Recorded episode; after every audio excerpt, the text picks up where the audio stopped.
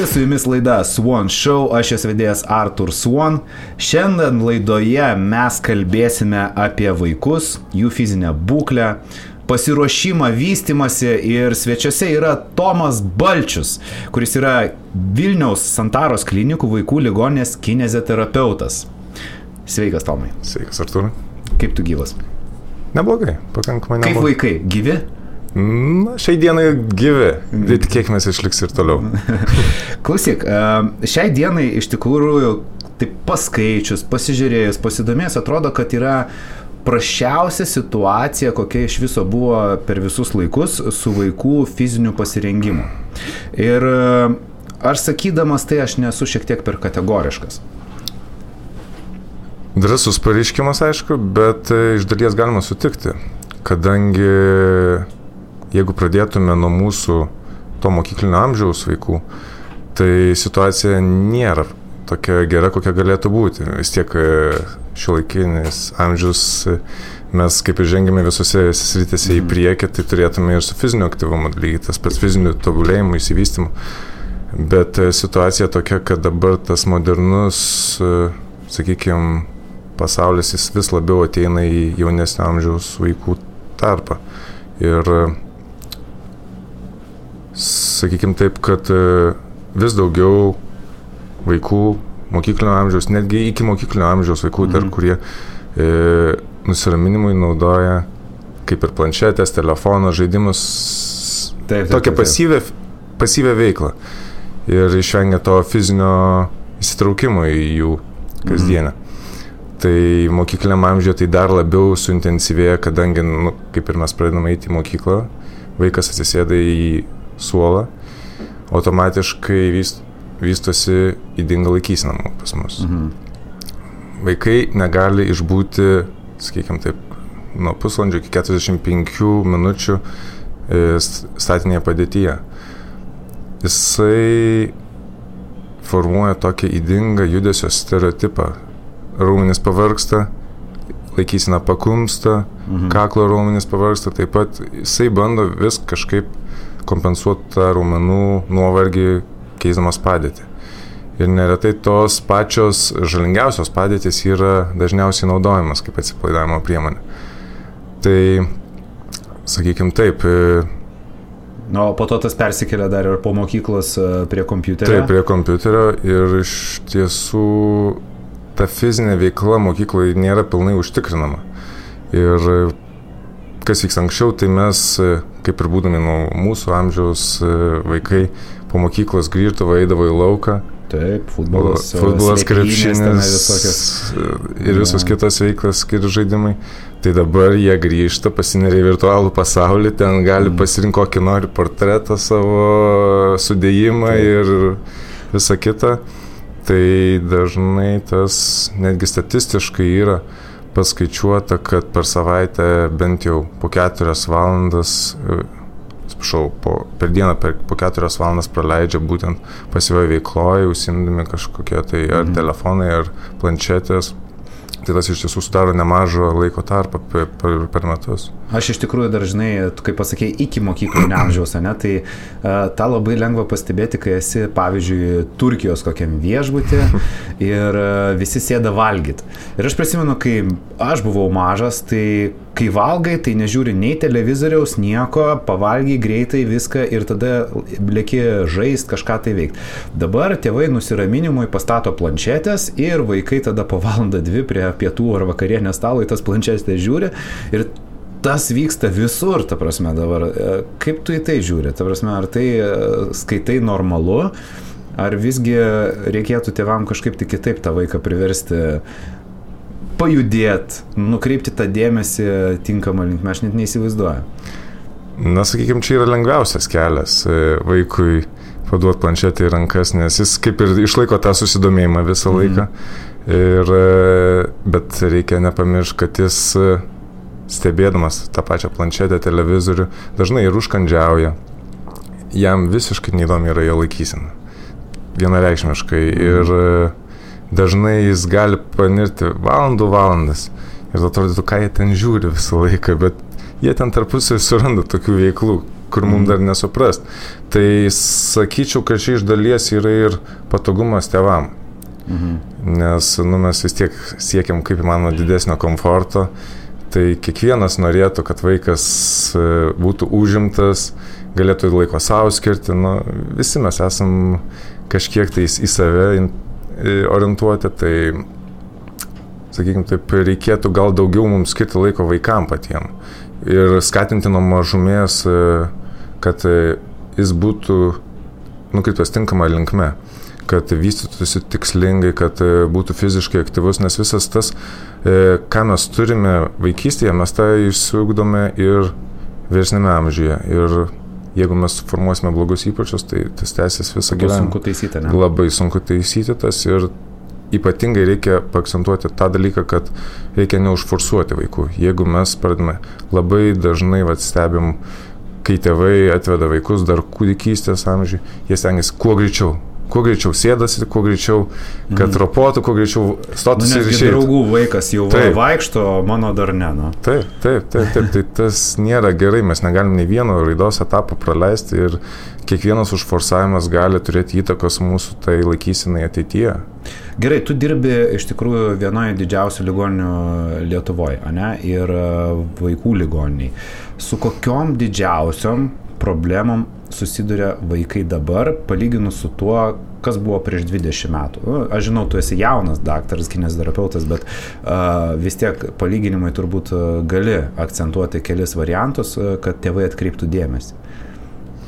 Na, iš tiesų tai dirbu su įvairaus plauko pacientais ir su labai sunkiais, pradedantais stacionariniais, kurie guli pas mus.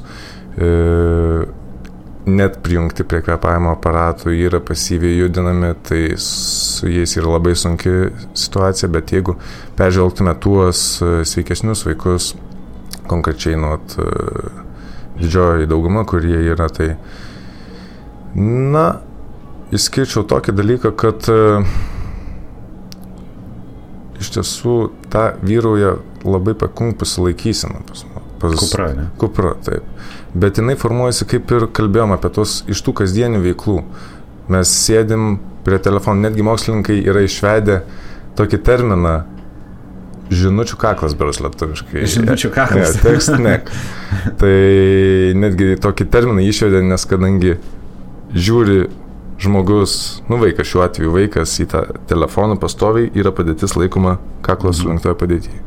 Tai pati galai jinai sveria, nu, sakykime, žmogaus nuo 5,5 kg, tai sulenkus jinai gali pasiekti apkrovą iki 28 beros 30 kg wow. apkrovas. Tai, tai įsivaizduokit vaikui tokią apkrovą laikyti, tai automatiškai formuojasi įdinga laikysena.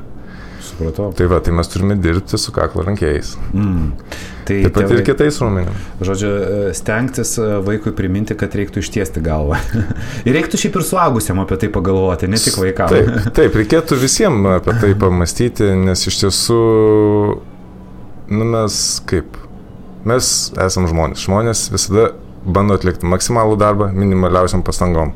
Mm. Tai tas pats ir mus, mes grįžtame iš darbo, nu, ar mes norim dar laikyti tiesią padėtį, ne, nesukumti, mes grįžtame atsipalaiduoti namus, Taip. o ne papildomo darbo ieškoti. Tai lygiai tas pas ir su vaikais. Ir tie blogieji įpročiai, kaip ir pavyzdys, pavyzdžiui, guli vaikas prie televizorius, jisai gali būti pasirėmęs vieną ranką, gulėti įsivertęs, vieną ranką čipsų pakelė, paskui saldainė ateina. Na, reikėtų atkreipti dėmesį, kaip jūsų vaikas sėdi. Mhm. O klausyk, uh, Dabar, pavyzdžiui, anksčiau, anksčiau, tarkim, mane išgirdavai tokią kaip e, diagnozę - išvarža. Ir būdavo, eik tu savo tenai, mano tėvas ten išvaržą turi. Dabar, nu, išvaržą, tipo, vaikas išvaržą turi. Uh, nu, turi. Ant kiek pasidarė tai norma? Kaip su tom traumom, va tokiom va išvadom? Ar tai negazdina dabar uh, tėvų, tų pačių daktarų, žinai, kinesioterapeutų, kad jau tokiam jaunam amžiui vaikai susiduria su tom traumom, kurias uh, turėdavo tik suaugę, tarkim. Na, daugumoje atveju. E, iš mano pusės, man nebaisu, jau įpr, įprasta tapo. Tapo įprasta. Bet, e, sakykim taip, e, mūsų medicina dabar žengia į priekį. Mes greičiau diagnozuojam lygas, atliekam greičiau tyrimus ir mūsų daktarai dabar yra aukšto tikrai lygio pasauliniu mastu ir mes galime tas lygas nustatyti pakankamai greitai. Anksčiau vaikam neskudėdavo nugarų, net nežinojo, kas tas yra nugaros skausmas. Jis atsirasdavo, nu, sakykime, jau vyresniam amžiuje, nu, jau po 18 metų, kai jau skaitaisi pilnametystę sulaukė žmogus. Dabar ateina 12-16 metų paaugliai su skaudančiom nugarom. Sakykime taip, išvažos gal dar nebūna taip greitai susiformavusios, bet jie jau turi įvairių degeneracinių stuburo pakitimų. Viskas tas yra iššaukime, kaip ir minėjau, arba dėl užforsavimo vaikystėje, arba dėl rūmenų tonos sutrikimo. Taip pat e, tų susiformavusių įpročių netgi įtaka yra pakankamai didžiulė mūsų tai laikysinai. Tai kaip ir iš tiesų priklauso nuo tėvų, kaip jie reaguoja į tą konkrečią diagnozę. Yra tėvų, kuriem, nu, kaip pavyzdys, yra osteochondrozė, stuburo degeneracinė lyga nuskamba tai kaip pensininko. nu, ja. Anksčiau iš tiesų tai ir būdavo vyresnio, vyre, vyresnio amžiaus žmonių lyga. Dabar yra nustatoma 12, 13, 14 metų paaugliam. Tai iš tiesų tai nėra tragedija, tiesiog nu, vystosi amžius. Priežastis. Kokia tai priežastis? Būtent dėl to aktyvumo nebuvimo? Nebūtinai dėl aktyvumo, gali būti ir genetinis polinkis mm. į stuburo lygas automatiškai. Tai čia netgi iš tėvų gali persiduoti. Žinoma, tai žinoma tėvai... mes praktiškai visas lygas galim iš tėvų perimti. Tai žodžiu, beveik visas. Dabar nu. suaugusiam, kurie žiūri, tėveliai, judėkit daugiau, kad nepersiduotų tai vaikam, ne?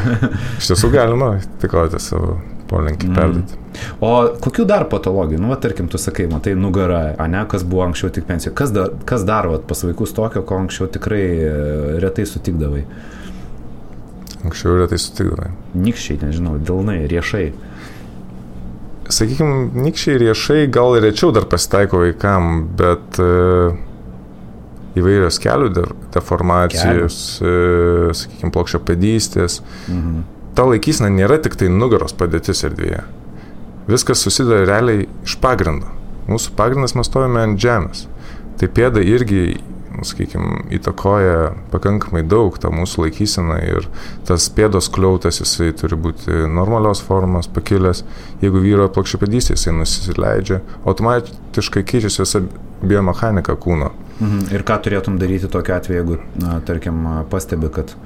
A... E, visą tai turi tvarkyti. Aišku, reikia atkreipti dėmesį tai, kad e, yra normal, normalūs raidos etapai, sakykime taip kaip pavyzdys, e, dėl keliai, ne? Tik gimęs vaikas jisai būna tokios futbolininkų kojų formos mhm. ap, apvalios. Ne? Tai su laiku kojos įsitiesina, nuo kažkur antrųjų metų pradeda formuotis X padėtis ir tai yra visiškai normalu. Ir tik tai artėjant tą mokyklinio amžiaus laikotarpiu, kai yra 6-7 metai, reikėtų labai stipriai sunerimti, jeigu dar vis tas nepraėjo. Aišku, aš už esu prevenciją. Mhm. Visada prevencija yra labai svarbu. Tegul vaikas būna fiziškai aktyvus, vaikšto pas kinesterapeutus, kad ir pas tuos pačius trenerius. Aišku, reikia viską atsirinkti. Ir dabartiniai mūsų treneriai tikrai tobulėja ir va, lanko tuos pačius kursus. Netgi atvažiuojame į konferenciją kinesterapeutam ir matom tuos individualius trenerius. Tai yra iš tiesų smagu, žmonės domisi ir stengiasi ne tik taip užvaryti raumenų, kaip sakom, bet ir tikslingai juos panaudoti. Jau keičiasi tendencijos dabar. Keičiasi tikrai. Sveikatinimą. Tai gerai, tai tėvai jau turėtų atkreipti dėmesį, jeigu vaikui yra šeši metai, bet dar keliai kryžminusio, ne, tai jau reiktų atkreipti dėmesį. Taip. Kaip dėl plokščio padystės? Su ja irgi reikia dirbti, tik šiek tiek. Su... Tik kavalinė ar ir kažkokie pratimai? Pratimai visada yra naudinga. Bet plokščią padystę reikia tvarkyti irgi jauname amžiuje, nes nusaugusiam žmogui tai jau nieko nepadarysi. Jo yra judėjimo sistema jau susiformavusi ir mes turim e, tą pradėti būtent ankstyvame periode. Reiktų tai, suprasti turbūt, kad pats vaikas to nesuprasčiau, tėvai turėtų. Taip, vaikai, tą... jie nėra motivuoti to atlikti, ateiti į procedūras, nu jiem nereikia, jiem reikia pramogų. Mhm. Tai va. Supratau. O dėl laikysenos, kada yra tas momentas, kai jau tėvai turėtų atkreipti dėmesį, jog reikia kažką daryti, keisti, galbūt mažinti to laiko prie kompiuterio, galbūt stengtis vesti į burelius dar kažkur tai, kad vaiko laikysena taisytųsi, tekst nek dinktų. Koks tai yra amžius, kada jau reiktų susirūpinti? Sakykime, tokio amžiaus tai neįskirčiau iš tiesų reikia stebėti, kaip keičiasi ta laikysena vaiko. Jeigu jau trečiais, ketvirtais gyvenimo metais matote kažkokius rimtesnius nukrypimus, ar pakumpus laikysena, ar pilvas per daug išvažiavęs į priekį, ar dubens padėtis pasikeitus yra šiek tiek, reikėtų vengti pradžiai pradėti nuo tų rutinių veiksmų, kad vengti tų statinių padėčių, reikėtų atvykti pas kinesterapeutą, pasikonsultuoti. Prevencija yra labai svarbu ir tą mes turėtume kaip įmanoma anksčiau įjungti. Tiesiog konkretaus gydimo jau reikėtų individualiu atveju kreiptis pas gydytojus. Mhm. Taip, bet uh, iš tiesų yra labai bloga tendencija dabar stebima, gal čia labiau yra mokyklinio amžiaus vaika, vaikuose, kad uh, vaikai pakankamai daug burelių lanko. Ir jeigu kalbėtume apie fizinį aktyvumą. Mhm tai eina į krepšinį, tai į plaukimą, bet tie bureliai dabar yra, sakykime taip, labiau akcentuoti į tas funkcinės veiklas. Nu, kaip pavyzdys, atvedamas savo vaiką į pirmą treniruotę.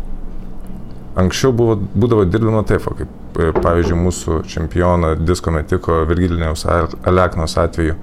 Jisai buvo Panevežė Beros internate jisai buvo ruošiamas pagal tam tikrą bazę. Jis nebuvo iš karto skirstomas į kažkokią konkrečią sporto šaką. Buvo apdirbama bazė, jis buvo ruošiamas kaip atletas. Mhm. Kad būtų universalus, plastiškas ir jo fizinės galimybės būtų maksimaliai pasiektos. Ir tada jau stebi žmogų pagal tai, kur dominuoja jo tikrusios gerosios savybės. Dabar yra taip. Tėtis žiūri žalgio varžybą, sako, viskas mano sunusais. Bus krepšininkas. Bus krepšininkas. Lietuvoje visi nori būti krepšininkais, daugumas. tai. Atveda į krepšinį, viskas, jie jau pradeda nuo tos funkcinės veiklos.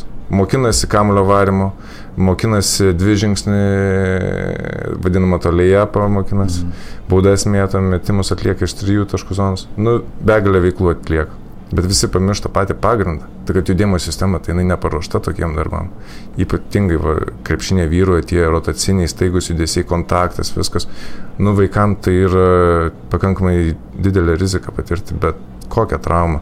Nebūtinai būna ten čiurnos patempimas, kelio traumas, bet ir ta pati nugara ir mūsų laikysena irgi gali kentėti. Tai va iš čia ir atsiranda to, kad mes pagrindo neparuošiam. Mūsų pagrindas yra būtent tas tikras kūno stabilumas ir mes jį pasiekime būtent stabilizuodami liemenį. Aš žinai, pats netgi esu domėjęsis ir kai mokinausi, buvo išskirta būtent kinų sporto paruošimo metodika. Ir pas juos iš tikrųjų sportininkai, kas fenomenalu, ne, net olimpinėse varžybose pas juos labai jauni būna sportininkai, Taip. pas juos ir jauni pradeda, bet būtent jie visi pradeda nuo bazės ir po to vėliau pagal riešo dydį, pagal rankos ilgį, pagal tai ir pagal jo gebėjimus jį nukreipia į tą sporto šaką, kur jam būtų tikslingiausia ruoštis ir dažniausiai jie tampa čempionais ir taip toliau. Bet visą laiką yra bazė.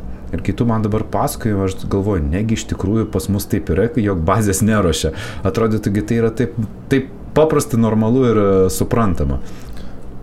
Na, iš tiesų, aš dar nemačiau taip tokios veiklos, kad pradėtų nuo bazės. Bent jau aš galėčiau daugiau papasakoti nu, apie tą didmešių mhm. kultūrą. E, periferijoje Lietuvos gal ten mažiau ateina vaikų. E, ir treneris žymiai labiau į tą kreipia dėmesį, tą individualų pasiruošimą vaikų. Dabar pas mus ateina, sakykime, sporto mokykla, grupė žmonių, vaikų 30-20, kaip tu juos visus sužiūrėsi. Čia neįmanoma net su specialisto priežiūra tikslingai visų 20 apžiūrėti vienu momentu. Tai jeigu tu taikai kažkokią prevenciją, kad ir tam mhm. pačiam lemens stabilumui, tai tu negali užtikrinti, kad jis darys taisyklingai. Nu, kaip pavyzdys, va, atsimenu, mano laikais būdavo, susirinkam po treniruotės ir darom tos vadinamus plenkus. Mhm. Ir visi minutį. Nu tai kokia ten ta kokybė. Tikslingai apkrovus raumenis, tai mes tą plenką tą minutę išlaikyti net suaugusiam yra pakankamai sudėtinga. Tikrai sudėtinga. Ir kai man žmonės pasako, kad tai išlaiko 3-4 minutės, aš iš karto klausiu, sakau, tai kaip jūs jį atliekat? taip. taip. O iš tikrųjų iš kitos pusės ir nėra naudos taip ilgai laikyti, nes niekur taip. nepanaudosi. Uh, klausyk, uh, noriu tavęs pasiklausti. Jeigu mes dabar kalbame apie tą prevenciją, ne, mhm. ir vis dėlto Vat žiūrėdami į tokią būklę, dabar, kokios būklės yra vaikai, vis tiek tos technologijos jos niekur nepabėgs, ne? jų tik daugės, gyvenimas taps sėslesnis. Tai kas laukia to jaunimo, kuris nėra fiziškai aktyvus, kai jiem bus 20, 30, 40 metų. Kokia yra ta ateitis, jeigu jie nesims kažkokių tai priemonių būtent dabar, arba jų tėvai nesims? Na, visų pirma, jie bus mūsų draugai, kineziterapeutų. tai čia vienareikšmiškai dabar e, yra tendencija, kad jau dabar ateina vis jaunesnio amžiaus vaikai pas mus. Gal ir tas mūsų samoningumas e, didėja iš tiesų, kad tėvai supranta, kad reikia kuo greičiau, nu, prisiminkime, kokius 2000 metus, tai anksčiau būdavo reabilitacija, nu tai su lasdelė ten mhm. pasimosikuojam, ten pedutės palanksam, dabar žmonės ateina, e, nebūtinai vaikai, kad ir tie patys suaugę Sako, nu tai čia padirbam, padaryk man kineziterapiją. Tai išeina visi suprakitą, sako, nu tai čia kaip sporto klube praktiškai jau. Bet tai reikia mokėti tikslingai juos įjungti. Tai jeigu atsakant į tavo klausimą, kas bus, tai bus vaizdas pakankamai liūdnas. Neskaitant to, kad e, laikysenos pakitimai vyruoja būtent e, pas fiziškai neaktyvius žmonės. Taip pat e, mes kel, didinam riziką ir mūsų širdies ir kraujagyslių sistemai ir vidaus organų veiklai. Nes, nu, kaip ir žinome, tai aerobinis krūvis mums yra reikalingas būtent treniruoti pačią širdies ir kraujagyslių sistemą ir dabar tai yra viena iš daugiausiai mirčių sukeliančių problemų, būtent šios sistemos lygos. Tai mes turėtume tikrai labai susimastyti apie tai ir būtent kokį mes norime vaiką išugdyti. Nes... Iš tikrųjų labai dažnai girdžiu pastaruoju metu ir nemeluoju, kad uh, ten pažįstamo kažkas tai numirė nuo širdies smūgio 40 metų, kažkam sustojo 35 metų širdis. Tai kur tai veda link, tai net baisu pagalvoti. Na taip, neskaitant to, kad yra dar begalės visokių lygų kaip kvepavimo sistemas, nu, visą tai tikrai, nu, sunku įsivaizduoti. Sunku įsivaizduoti kol kas. Reikėtų luktel šiek tiek, bet iš tiesų, iš kitos pusės, žmogus prispirtas, sakykime, situacijos, įspraustas į kampą, kai prasideda skausmai, jo samoningumas irgi didėja, jisai kreipiasi pas specialistus ir tada jis jau pradeda keisti savo gyvenimo mm. būdą. Tai nu, iš tiesų labai sunku pasakyti. O klausyk. Čia tokia filosofinė labiau taip, pusė. Filosofinė pusė ir negalime to nuspėti, bet e, jeigu taip toliau tęsis, tai turbūt bus blogiau. Kita pusė dar yra mytyba. Ir e, neslėpkime tai, jog e, su mytyba irgi labai yra prastai. Aš kaip mytybos specialistas galiu pastebėti, kad pas mane labai dažnai kreipiasi tėvai su noru padėti jau savo vaikams numesti svorio. Ir būna tokių atvejų, kai mergaitės 12-13 metų sveria kaip suaugusios moteris. Kiek tas svoris, viršsvoris, nutukimas turi įtakos vaiko vystimosi sanariams, sausgislėms, judesiams? Ar tai yra labai labai svarbu ir apie tai tėvai irgi turėtų pradėti galvoti? Žinoma, bet jie turėtų pradėti galvoti, kaip visą tai užkirsti tam kelią, kad neatsirastų turėtų būti jau prieš tai mąstoma, kad vaikui reikia įpročius dėkti jau nuo mažumės, sveikos mytybos ir gal net mums pavyktų išvengti šitos situacijos. Aš kalbu, ta prasme, apie būtent dėl mhm. mytybos sutrikimų. O vis... apie būtent uh, sanarių problemas. Jeigu apie sanarių problemas. Savo taip. patirties, kokių turi pavyzdžių gal? Na taip, iš tiesų sanariam apkrova labai didėja, kai yra bet koks viršsvoris. Tai mes turim net jeigu yra viršsvoris, tai mes turim stengtis tą aktyvę raumenų masę didinti bent jau, kad mhm. nuimti apkrovą nuo pačių sanarių. Bet iš tiesų mes neturime užforsuoti to vaiko. Jeigu, nu, sakykim, taip nepastebimai vaikas patapo šiek tiek su pilvuku, mes neturim vyti jo į stadioną ir kad jis mhm. lakstytų, nes šį yra labai žalingas požiūris. Mes turim surasti tinkamą veiklą, kaip galima jam padėti integruotis į tą, sakykime, sportą.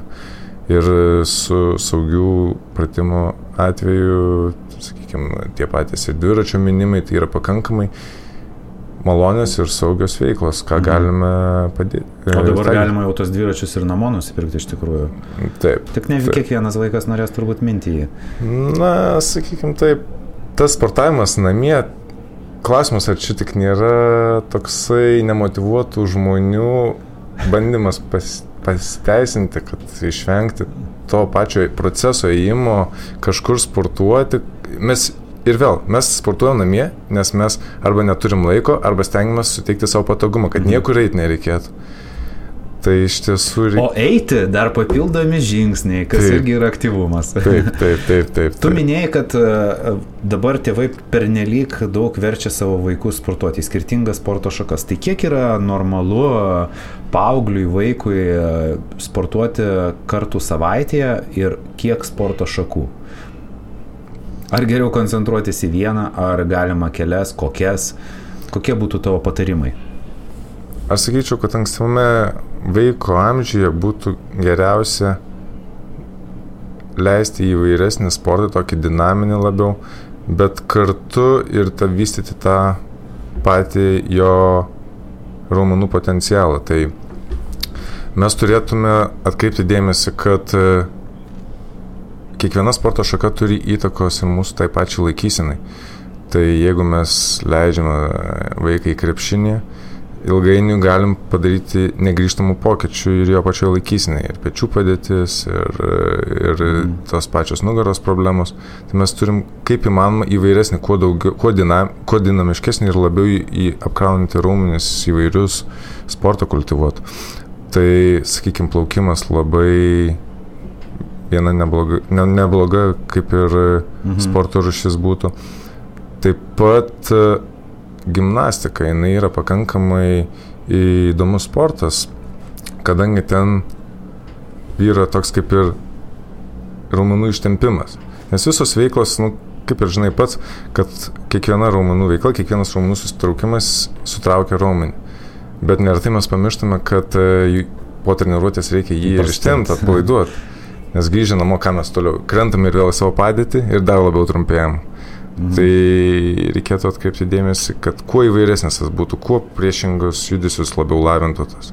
Jeigu yra labiau ar fechtavimas, koks nors e, kultivuojamas sportas, kad atliekame mostą į priekį, tai mes turime kartu ir nugaros raumenis mhm. stiprinti, taip plaukimas būtų kaip viena. Iš... O tai kiek kartų savaitėje reiktų vaikui taip treniruotis, po kiek valandų?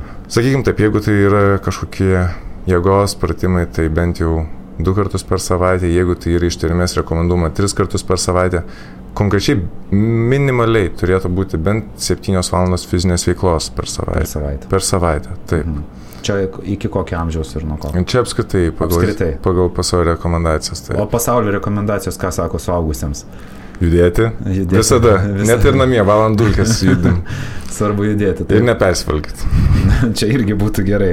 Dabar žinai, gyvenimas toks, kad daug kas valgo iš streso. Iš tiesų taip, ir ta mytyba nėra reguliari, tai tame dar yra problema. Dar vienas dalykas, žinai, mes kalbam apie tas sporto šakas, kur jos yra tokios kitokios negu, pavyzdžiui, sportas su svoriais arba su štangom. Taip. Ir nepaslaptis, kad dabar matant šio laikinį pasaulį, žiniasklaidą, social media, mes matom labai daug gražių kūnų. Ir jaunimas jau jaunystėje, jau mažam amžiuje, kai dar aš turbūt žaidžiau su mašinėlėm, dabar jau tie vaikinai galvoja apie tai, kaip turėti gražų kūną na, jie jau pradeda galvoti, kada man čia nueiti į sporto salę ir panašiai. Kokios būtų tavo rekomendacijos kaip e, kineziterapeuto, kada yra saugu pradėti eiti vyrukam ir merginom į sporto salę arba dirbti su svoriais, e, su tom pačiom štangom. Nežinome tokius e, sportininkus kaip Švarcnegeris, jie pradėjo labai jauni ir 13 turėjau laidoje ir sunkiosios atletikos atstovais, tai nuo 13 pradėjo sportuoti. Visgi, kada būtų saugu pradėti, kad tai nepakenktų, e, bet ir jau pradėtų tikslingai vystyti tą estetinę gražią išvaizdą? Na, čia geras klausimas iš tiesų, nes kiekvienas turi savo požiūrį. Tai, bet aš tai galvoju taip, kad paauglystė yra pats sparčiausias būtent vystimos etapas. Kaulai auga pakankamai greitai, minkštie audiniai, raišiai, raumenys, jie nespėja pagal tai. Jeigu mes dar užkrausime, kaip minėjai, nuo 13 metų, tai yra pats auglystės pikas, mhm. užkrauname dar statinę apkrovą, nu, mes galim padaryti tikrai nepataisomų padarinių. Ir aš tai rekomenduočiau pradėti nuo savo kūno svorio. Dirbdami mhm. su savo kūno svoriu mes išvengsim vienas dalykas rimtesnių traumų. Jeigu taisyklingai darysim, čia aišku, kalbam apie taisyklingą darimą. Ne, mes tik apie taisyklingą darimą. Nes ne, ne, tai, tai. ir tie patys pristraukimai, atsispaudimai, viskas paskui būna taip, kad ateina reabilitacija ir pečius kaltina savo. Tai vat, reikėtų pradėti nuo savo kūno svorio, o šiaip tai apie 16-17 metus, ne anksčiau su svoriais. Žodžiu, 16 metų jau galima pradėti eiti į sporto salę, pradėti dirbti su svoriais. Rekomenduočiau kuo vėliau. nuo 18 rekomenduočiau, nes kaip, kaip tie statiniai apkrovimai tai tikrai nėra į naudą, kad ir pačiam stuburui tam. Tai. O vad klausyk, dėl pačio stuburo, ne, dažnai girdime žiniasklaidoje, negaliu sakyti žiniasklaidoje, gal vėlgi tam pačiam internete, neaišku, kas ten ką parašė, bet žinai, žmonės šneka, kad jeigu sportuosiu nuo 16 metų su štanga, tai nebeauksiu.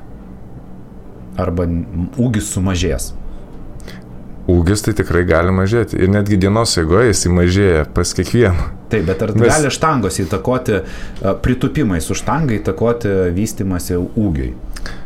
Aš pamenu, šiuo atveju prisimenu mūsų profesorių, kuris mokė mus, e, būtent kai dar kinesterapiją studijavau. Tai labai pamenu gerą pavyzdį. E, Višniauskas, mhm. sunku, sunkiatletis. Jis kartodavo, kad per dieną jisai sutrumpėdavo iki 7 cm nežinau, kiek tai yra tiesos, bet naktį pasilsėjęs atsikelva ir vėl savo ūgio. Tai mes tikrai nemažai apkrauname būtent tą judėjimo sistemą.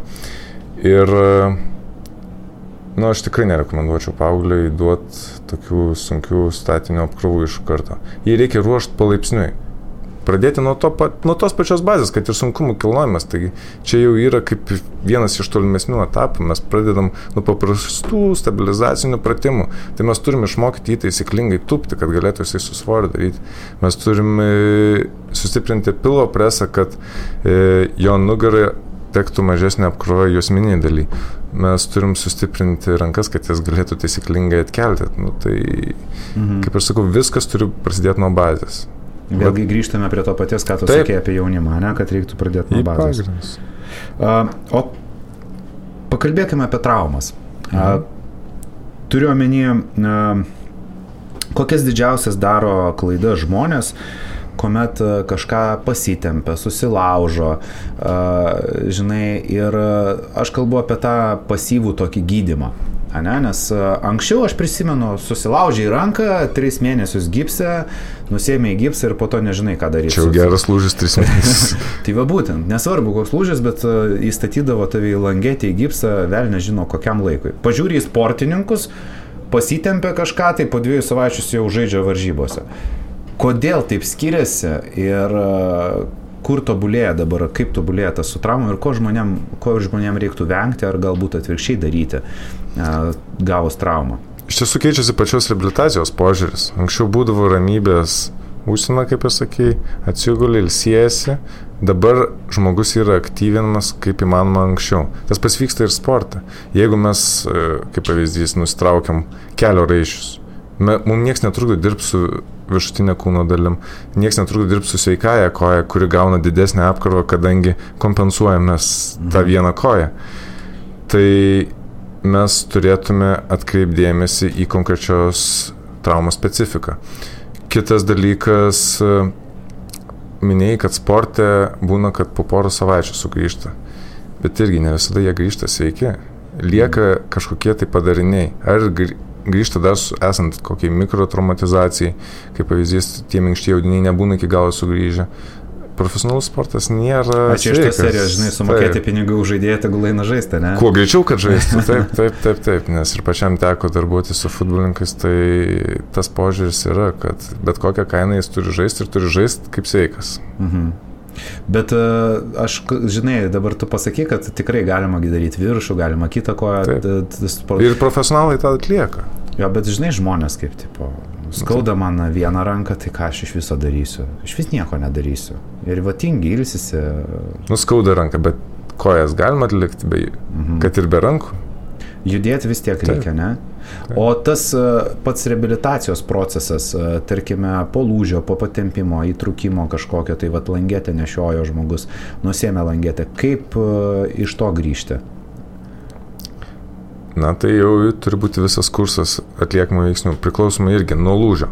Kartais būna lūžis mėnesį mobilizacija trunka, kartais, kaip pavyzdžiui, stuburo, tai pakankamai ilgai tas užtrunka ir raumenis atrofuojasi, vystosi kaulų tankis, mažėja kaulų tankis ir visus tas nejudrumo sindromas. Tai mes, kaip ir sakiau, ir reabilitacijoje vadovavomės tuo pačiu principu, kad jeigu yra kojos lūžis, rankos lūžis, nu mes dirbame su visų kūnu. Mes stengiamės išlaikyti tą esamą funkcinę būklę, kokia jinai yra dabar, arba netgi pagerinti, kad žmogus būtų funkciškai mobilesnis. Gerai, bet reabilitacijos metu, va, aš e, ateinu į reabilitaciją, pats mhm. ką tik buvau reabilitacijai ja. ir e, man davė dvi savaitės gydimo. Ar to užtenka? Ar žmogus praėjęs dviejų savaičių gydimą, jis jau gali toliau gyventi kaip gyveno, mm. daryti viską, nesisaugot, viskas jis sveikas. Ar vis dėlto to neužtenka ir žmogus turėtų dar toliau tęsti pats kažkaip tai mm. atlikti pratimus, galbūt e, eiti privačiai ar panašiai. Kiek, ar to užtenka, ką duoda ligoninė? Taip, tai priklauso nuo traumos, bet vienareikšmiškai taip. Pas mus dabar yra padaryta tokia sistema, kad mes spėjom žmogų tik apmokyti kartais net ir apmokyti sunkiai pavyksta, nes nu, būna visokio plauko žmonių. Vieni ateina, nesupranta to judesio, tai dar užtrunki kokias 3-4 procedūras, kol pavyksta pajausti tą judesį, įjungti tinkamus raumenis. Tai iš tiesų mes dabar esame tokie kaip labiau edukatoriai. Bet vienareikšmiškai ties daugeliu diagnozių reikia tęsti tą visą rehabilitaciją ir ilgiau.